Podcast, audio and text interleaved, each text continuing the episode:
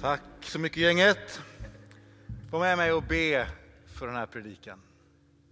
Herre, tack för att vi får komma inför ditt ansikte, vara här och lyssna in vad du vill säga till oss. Herre, du vet ju allt om mig och vad jag är och vad jag inte är. Det är ju inte min förmåga att formulera mig eller att förstå eller att begripa teologi, utan det är vad du Gud kan göra genom din heliga ande, genom en helt vanlig människa. Så därför ber jag att du på ett tydligt sätt ska vara just tydlig. Tala genom din ande, Herre. Använd mig så mycket det går, men vidrör hjärtan som behöver bli vidröra den här förmiddagen. Och låt det också inte få stanna här, utan få konsekvenser, resultat, frukt i våra liv runt omkring i den här staden. I Jesu namn. Amen. Tack Jörgen att jag fick komma hit.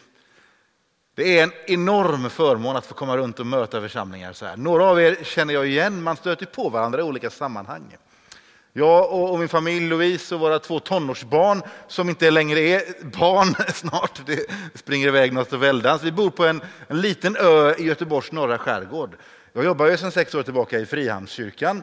Ja, det var inte sex år Frihamnskyrkan fanns, men då hette det Smyrnakyrkan och nu heter vi Frihamnskyrkan. Men vi bor på en liten ö. Och det är helt fantastiskt och oerhört krångligt, men det är mer fantastiskt än vad det är krångligt.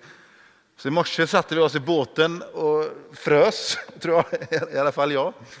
Ehm, man kan se på en fiskebåt om de har fått napp. Vet ni det? Alltså på morgonen så åker fiskebåtarna ut och så kommer de tillbaka. Och det är inte så att de hissar någon flagga eller att de är extra tunga så de är lågt i vattnet. Man kan se på båten att det finns fisk där. Eftersom de båtarna som inte har någon fisk, de får puttra fram i lugn och ro. Inte en mås som stör. Men så finns det de båtarna som omges av ett moln av fiskemåsar. Det är som att de där kreaturen, jag vet inte om det finns någon ornitolog här, jag vill inte trampa på någons fötter, men jag har svårt för de här skrikande måsarna. Ibland är de romantiska, men de är överallt och vill äta mat. Men de markerar också att här finns det något att hämta. Och det flockas fåglar runt båtarna där det finns fisk. Vi har ju flyttat plats nu som kyrka. Vi var i Haga och nu är vi i Frihamnen. Och vi har en egen lunchrestaurang, supertrevlig, ni är välkomna dit. Men efter den fjortonde gången så börjar man liksom tröttna på just den fisksoppan och på just den räkmackan och så. Det är inte synd om mig inser jag nu när jag säger detta, men, men så är det i alla fall. Eh, så då gäller det ju att, att vidga sina horisonter. Så då brukar jag röra mig bort till ett, ett område med lite lunchrestauranger i närheten. Och jag har upptäckt att det finns ett sätt som är, ja, men slår alla sätt att få tag på bra mat. Man kan ju gå in på Tripadvisor och kolla på telefonen och läsa. Möjligen att det är effektfullt. Men om du går hos oss eller kanske här ute så ser du restaurang efter restaurang efter restaurang efter restaurang. Och så undrar du var ska jag gå in? Du behöver inte ens läsa menyn. Men de ställena som det är fullt med folk på, de har ju något. För någon gång så gick någon dit och så såg den, åh, gott, prisvärt, det här var bra, härligt bemötande. Och så kom den tillbaka. Och så tog den med en kompis. Och så rullade det, och så rullade det. Så då finns det restauranger som står helt tomma för att man har gått dit och så har det liksom inte doftat gott eller det har inte sett bra ut. Bemötandet har inte fungerat och där vill jag inte vara. Då går man inte dit igen. Men de restaurangerna som det är fullt med folk på, du behöver inte kolla menyn. Du kan bara gå rätt in och vara trygg med Där finns någonting att hämta. Hur ser det ut med ditt liv? Alltså, vad för sorts människor flockar sig runt dig? Hur ser din umgängeskrets ut? Vilka drar sig närmare dig? Och jag inleder medvetet faktiskt att säga just dig och tänka dig som person, dig som enskild. Men man kan också lyfta perspektivet till den här församlingen. Vilka människor trivs här? Och varför gör de det? Och vilka trivs inte här? Det ska jag fundera lite kring. Och så ska jag göra en twist mot slutet. Jag ska läsa en, en ganska lång berättelse, men det här är ändå en predikan så ni kan inte bli besvikna för att det blir ett långt bibelord. Det är Lukas kapitel 7, vers 36 till 50. Det handlar om Jesus. En av fariseerna bjöd hem honom på en måltid. Och han gick dit och tog plats vid bordet. Nu fanns det en kvinna i staden som var en synderska. När hon fick veta att han låg till bords i farisens hus kom hon dit med en flaska balsam och ställde sig bakom honom vid hans fötter och grät. Hon vette hans fötter med sina tårar och torkade dem med sitt hår. Hon kysste hans fötter och smorde dem med sin balsam. Farisén som hade bjudit honom såg det och sa för sig själv om den mannen vore profet skulle han veta vad det är för sorts kvinna som rör vid honom. En synderska. Då sa Jesus till honom Simon, jag har något att säga dig. Säg det, mästare, sa han. Två män stod i skuld hos en penningutlånare. Den ene var skyldig 500 denarer, den andra 50.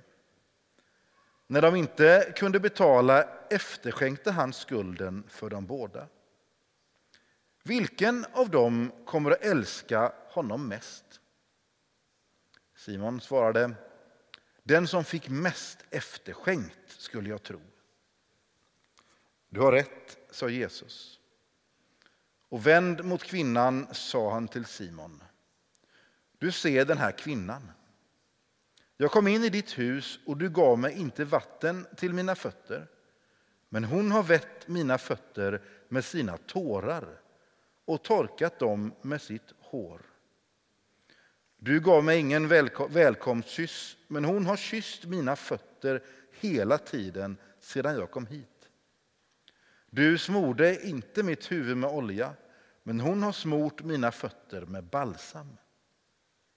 Därför säger jag dig, hon har fått förlåtelse för sina många synder. Ty hon har visat stor kärlek. Den som får litet förlåtet visar liten kärlek. Och han sa till henne, dina synder är förlåtna. De andra vid bordet sa då för sig själva, vem är han som till och med förlåter synder? Men Jesus sa till kvinnan, din tro har hjälpt dig. Gå i frid. Och så ska jag läsa en liten del av den välkända berättelsen om Jesus och Sackaios. Ni vet Sackaios som var en tullindrivare, som var en syndare. Lukas kapitel 19, vers 6-7. Sackaios skyndade sig ner och tog emot honom med glädje. Alla som såg det mumlade förargat. Han har tagit in hos en syndare.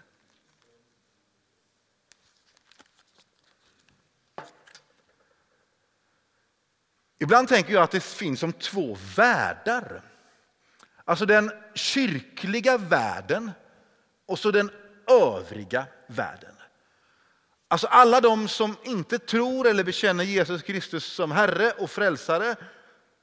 De där borta. Ibland kan vi observera och se och vi kan se fenomen och saker som vi tycker präglar de andra där borta.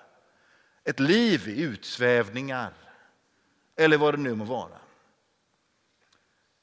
En viktig poäng jag vill göra är att ju fler människor jag möter som inte primärt har sin värld eller sin verklighet i kyrkan, ju fler jag möter så inser jag att det inte alls är så att alla de där är likadana och på ett annat sätt på alla områden än vad just jag är. En av de som har blivit mina förebilder, han heter Freddy, är gammal fallskärmsjägare och har stort orange skägg och svär i varannan mening. Kan en sån vara en förebild? Han har aldrig sagt något negativt om någon människa. I alla de mötena jag har haft med honom, och det har funnits tillfällen. Han lyfter alltid människor runt omkring sig. Han är inte frälst. Han behöver vägen, sanningen och livet till Jesus Kristus. Det är, jag, det är jag helt övertygad om. Men han är en förebild för mig. Ibland befinner jag mig i den kyrkliga världen, typ som den världen vi är i nu. Där det bara går fem minuter och så hör jag någon säga något dåligt om någon annan. Eller så öppnar jag mitt Facebookflöde och så läser jag kommentarer som verkligen inte borde komma ur en kristen människas mun eller tangentbord. Det må finnas två världar. Men innan vi ens gått in på det så är jag helt trygg med att vi inte ska bunta ihop andra, tänka att de är sådana. Och kanske inte heller ska vi ha så stort högmod kring oss själva. Men det finns ändå ett tydligt kyrka och sen den här världen. De som följer Kristus, vi, de flesta av oss som har definierat oss som kristna. Någonting har hänt med oss och vi tillhör vägens folk. Vi tillhör honom och vår identitet är längre, inte längre syndare. Vi, vi kan ändå synda, jag återkommer till det, men vår identitet är att vi har blivit Guds barn. Genom nåd är vi frälsta och vi har fått genom födelsen till Kristus så har vi fått en ny identitet. Guds gåva är det, det beror inte på gärningar, ingen kan berömma sig, men vi har fått något nytt och vi tillhör ett nytt släkte. Vi är Guds folk. Och så finns det de som fortfarande i sin identitet, även om de vet om det eller inte, befinner sig där ett sund, ett syndens hav skiljer dem och Kristus. Där Jesus inte har fått bryta igenom den där hjärtsbarriären än. Och de är syndare. På samma sätt som vi alla har syndat och gått miste om härligheten från Gud. Men vi har fått Guds gåva, evigt liv genom Jesus Kristus. Så det finns ett dom och det finns ett vi. Jag tror inte att det är lika tydliga väggar emellan som man kan tänka sig. Jag tror inte att det betyder att andra människor är onda och att vi då är goda. Men det finns en tydlig innanför kyrka och utanför kyrka. När jag läser min bibel så slår det mig att Jesus inte hade problem med syndarna. Att de som trivdes allra mest med Kristus, det var syndarna. Till den milda grad att det blev ett rykte kring Jesus. Han är en sån som umgås. Han är syndarens vän. Ett själsord. Alltså om Jesus var en fiskemås och syndarna var, nej, om Jesus var en fiskebåt och syndarna var en fiskemås så flockade de sig runt honom. Var han än gick så dök det upp folk som var trasiga runt omkring. De kunde vara trasiga i kroppen, i själen och anden och de slängde sig framför Kristus.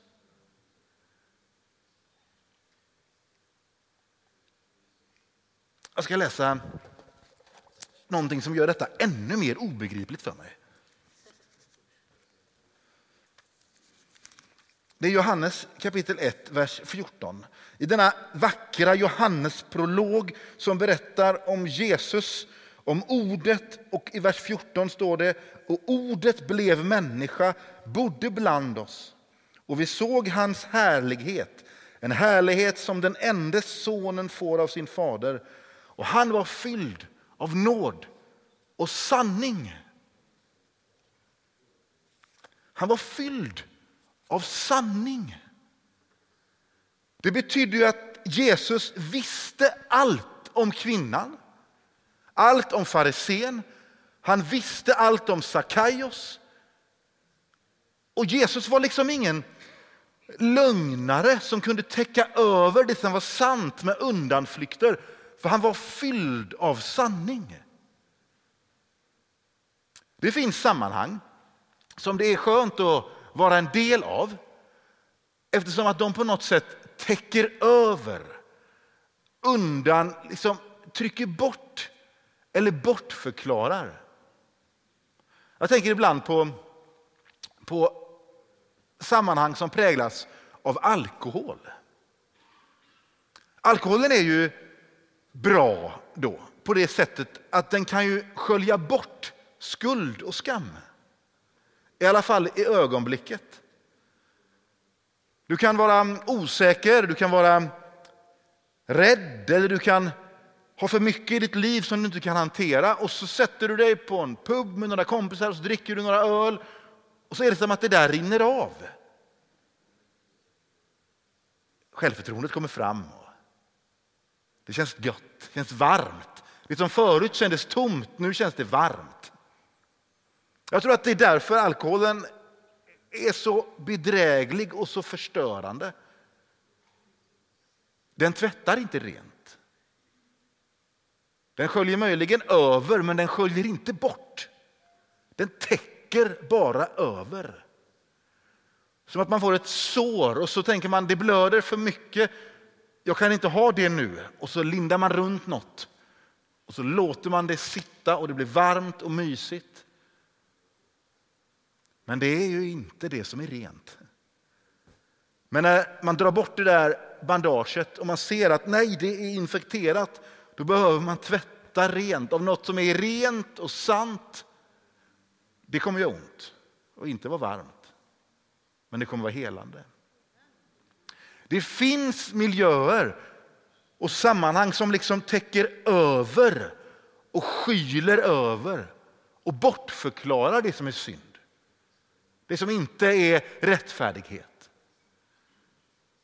Men det var inte Jesus. Han var fylld av sanning. Och sanningen är smärtsam. Den bortförklarar inte. Den säger som det är. Och ändå ville syndarna vara med honom. Det är helt obegripligt. Han var också fylld av nåd. Kommer ni ihåg texten? Han var fylld av nåd och sanning. Denna nåd som fullständigt förändrar hela spelplanen. Vilka människor tycker om att vara runt dig? Och nu skulle jag vilja utmana lite. Vi är en Kristusrörelse. Vi följer Jesus. Och ett lärjungaskap går ut på att bli mer lik Kristus genom Andens hjälp präglas mer av det som är Kristus än det som är världen. Mer av det som är Jesus än det som är mig själv. Så att om ditt lärjungaskap bär frukt i ditt liv, då behöver du likna Jesus mer. Då borde det flockas människor runt omkring dig som definierar sig själv som syndare. Eller som tänker att de i alla fall inte har med Gud att göra. Det borde vara bekvämt att vara runt dig fast att man har fel och brister. Är det det? Hur är det med den här församlingen? Det är väldigt skönt för mig, stackars Jörgen, men det är skönt för mig att komma till en plats som jag inte känner till så mycket. För då, om jag trampar dem på tårna så är det ingen fara och det är, det är lugnt. Men hur är det med den här församlingen? Vilka är det som knackar på dörren och vilka släpper vi in? Är det primärt dig som har stilig skjorta och ser någorlunda väl eh, konstruerad ut? Eller lyckas vi på något sätt vara en Jesus-liknande rörelse där de som inte är som oss drar sig till? Det här är inte enkelt. Det här är inte enkelt. För det måste till en resa, tror jag. Det måste hända någonting i mig, i dig och också i församlingskroppen. Och vad är det då? Alltså vad, vad är det för något som behöver hända för att den som betraktar oss som andra eller dem och de som vi betraktar som dem, vad behöver ske för att det ska bli möjligt att må bra kring dig? Nu är ju inte vi Jesus, varken Jörgen eller jag. Ledsen att göra er besvikna, men det har ni nog redan räknat ut. Så vi är inte fyllda av nåd och sanning. Vi är fyllda av en blandning av oss själva och anden själva. Det är ju fasligt bra att Gud väljer att placera sin egen ande i ditt och mitt hjärta när vi tar emot honom. Annars hade det ju bara varit jag här inne. Mitt ego, mina motiv, mina värderingar. Men nu bor också Kristus genom den helige ande i ditt och mitt hjärta. Men finns det någonting som en, Finns det något som ett fenomen som vi på något sätt kan hålla oss nära som gör att människor, alla sorts människor, trivs nära oss? Jag tror det gör det.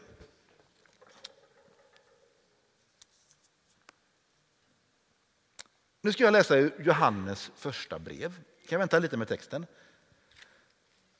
När man läser de olika texterna i Bibeln så tror jag att det är bra att förstå vad är det för sorts sammanhang eller vad är det för sorts brev?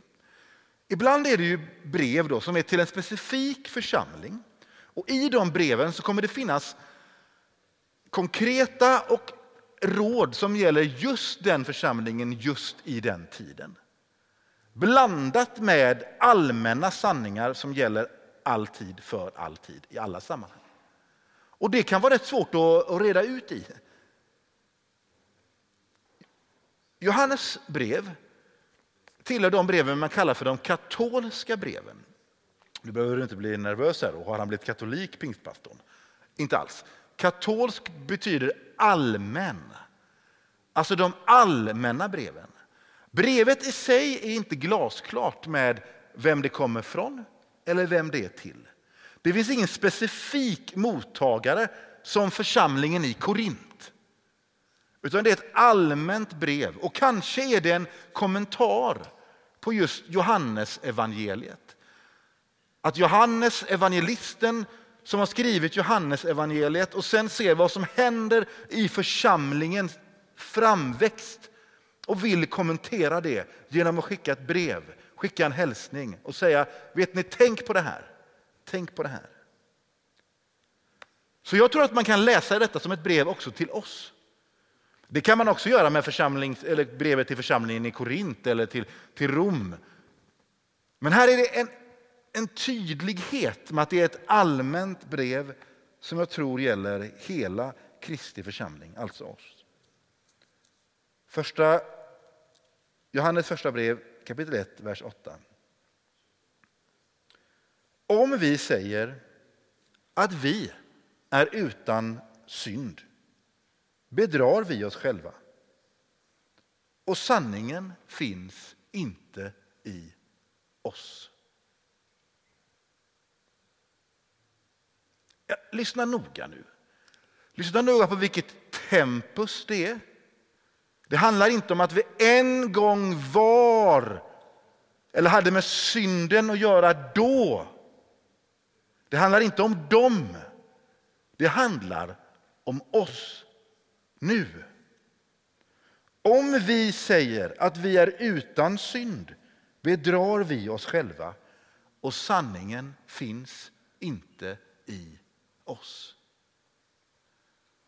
Det här är en Johannes som har skrivit Johannesevangeliet. Och det är en äldre Johannes. Mogen. Genomreflekterad. Och talar om oss, församlingen, kyrkan. Och säger att vi bedrar oss om vi inte förstår att vi har problem med synd. Alltså inte primärt andras synd, utan vår. Här skulle man behövt ett helt bibelstudie om synd. Jag har det, du kan, du får, jag kan fakturera, komma med någon annan gång. Men det är viktigt tror jag att förstå att när vi blir frälsta så blir vi frälsta ur synden. Vår identitet är längre inte syndare. Vår identitet är att vi är Guds barn. Betyder det att vi inte kan synda mer? Att vi aldrig mer gör det som är fel, att vi aldrig mer är snåla, aldrig mer brusar upp, aldrig mer är själviska? Det är ju nämligen synd, alla de grejerna. Nej. Det är som att synden fortsätter att ha en dragningskraft på oss. Vi är fria ur synd, men faktiskt inte från synd. Vi tar det i något annat bibelstudium, eller så får Jörgen styra upp det. Men jag tror att det är viktigt utifrån vad Johannes skriver och utifrån vår relation till Kristus själv. Men också utifrån vår relation till det här samhället vi lever i. Att det handlar inte främst om att de behöver Jesus idag. Jag behöver Jesus nu. Du behöver Jesus nu. Ja, men jag har varit frälst i 40 år.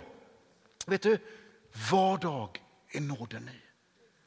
Idag är vi desperat behov av att korset på något sätt griper in i vårt liv. Det är inte dem. Det är du. Nu. Och imorgon. Och i övermorgon. Det är väldigt bra att det här bibelordet fortsätter. Jag har inte det på skärmen, men det står så här. Om vi bekänner våra synder är han trofast och rättfärdig så han förlåter oss synderna och renar oss från all orättfärdighet. Behöver du rättfärdighet och nåd idag? Behöver du syndernas förlåtelse idag? Ja, det behöver du och jag. Och vet ni vad som händer nu då mellan dem utanför kyrkan och oss innanför kyrkan? Det är att det faktiskt blir ett stort oss. Vi som behöver Jesus idag. Det är inte bara den och dem som behöver Jesus idag. Det är du och jag. Det är vi och det är oss. Jag möter ibland människor som det är så skönt att vara med.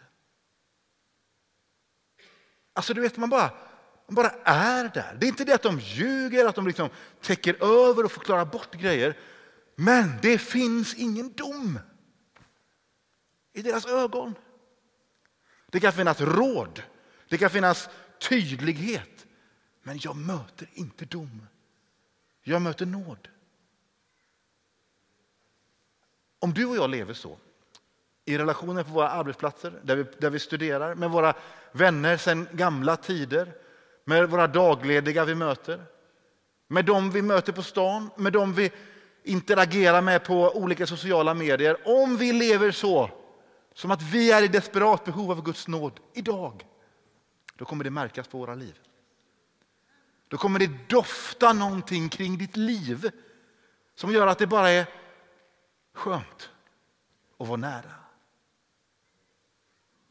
När jag skickat eh, Elias sorry Elias, till Göteborg. Vi är väldigt glada för det.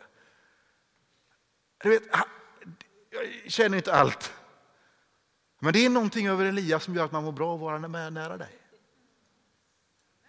Ja, men det är verkligen så. Ni ska vara stolta över det. Jag känner det och många andra. Man, man bara trivs. Och han, han, är så obekväm att bli upphissad, men ibland får man ta det liksom. Det är någonting när anden har fått göra någonting med en människa. Och Det behöver inte vara de stora orden, det behöver inte vara de stora rubrikerna. Det behöver inte vara predikanten eller du vet, det kan vara en trummis som är ödmjuk, sitter där och spelar lite.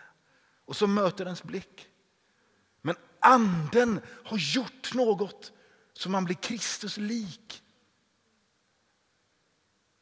Är du Kristus lik? Då tror jag att du kommer få samma panik som Elias får nu. Ja, kanske lite. Men jag är ingen förebild.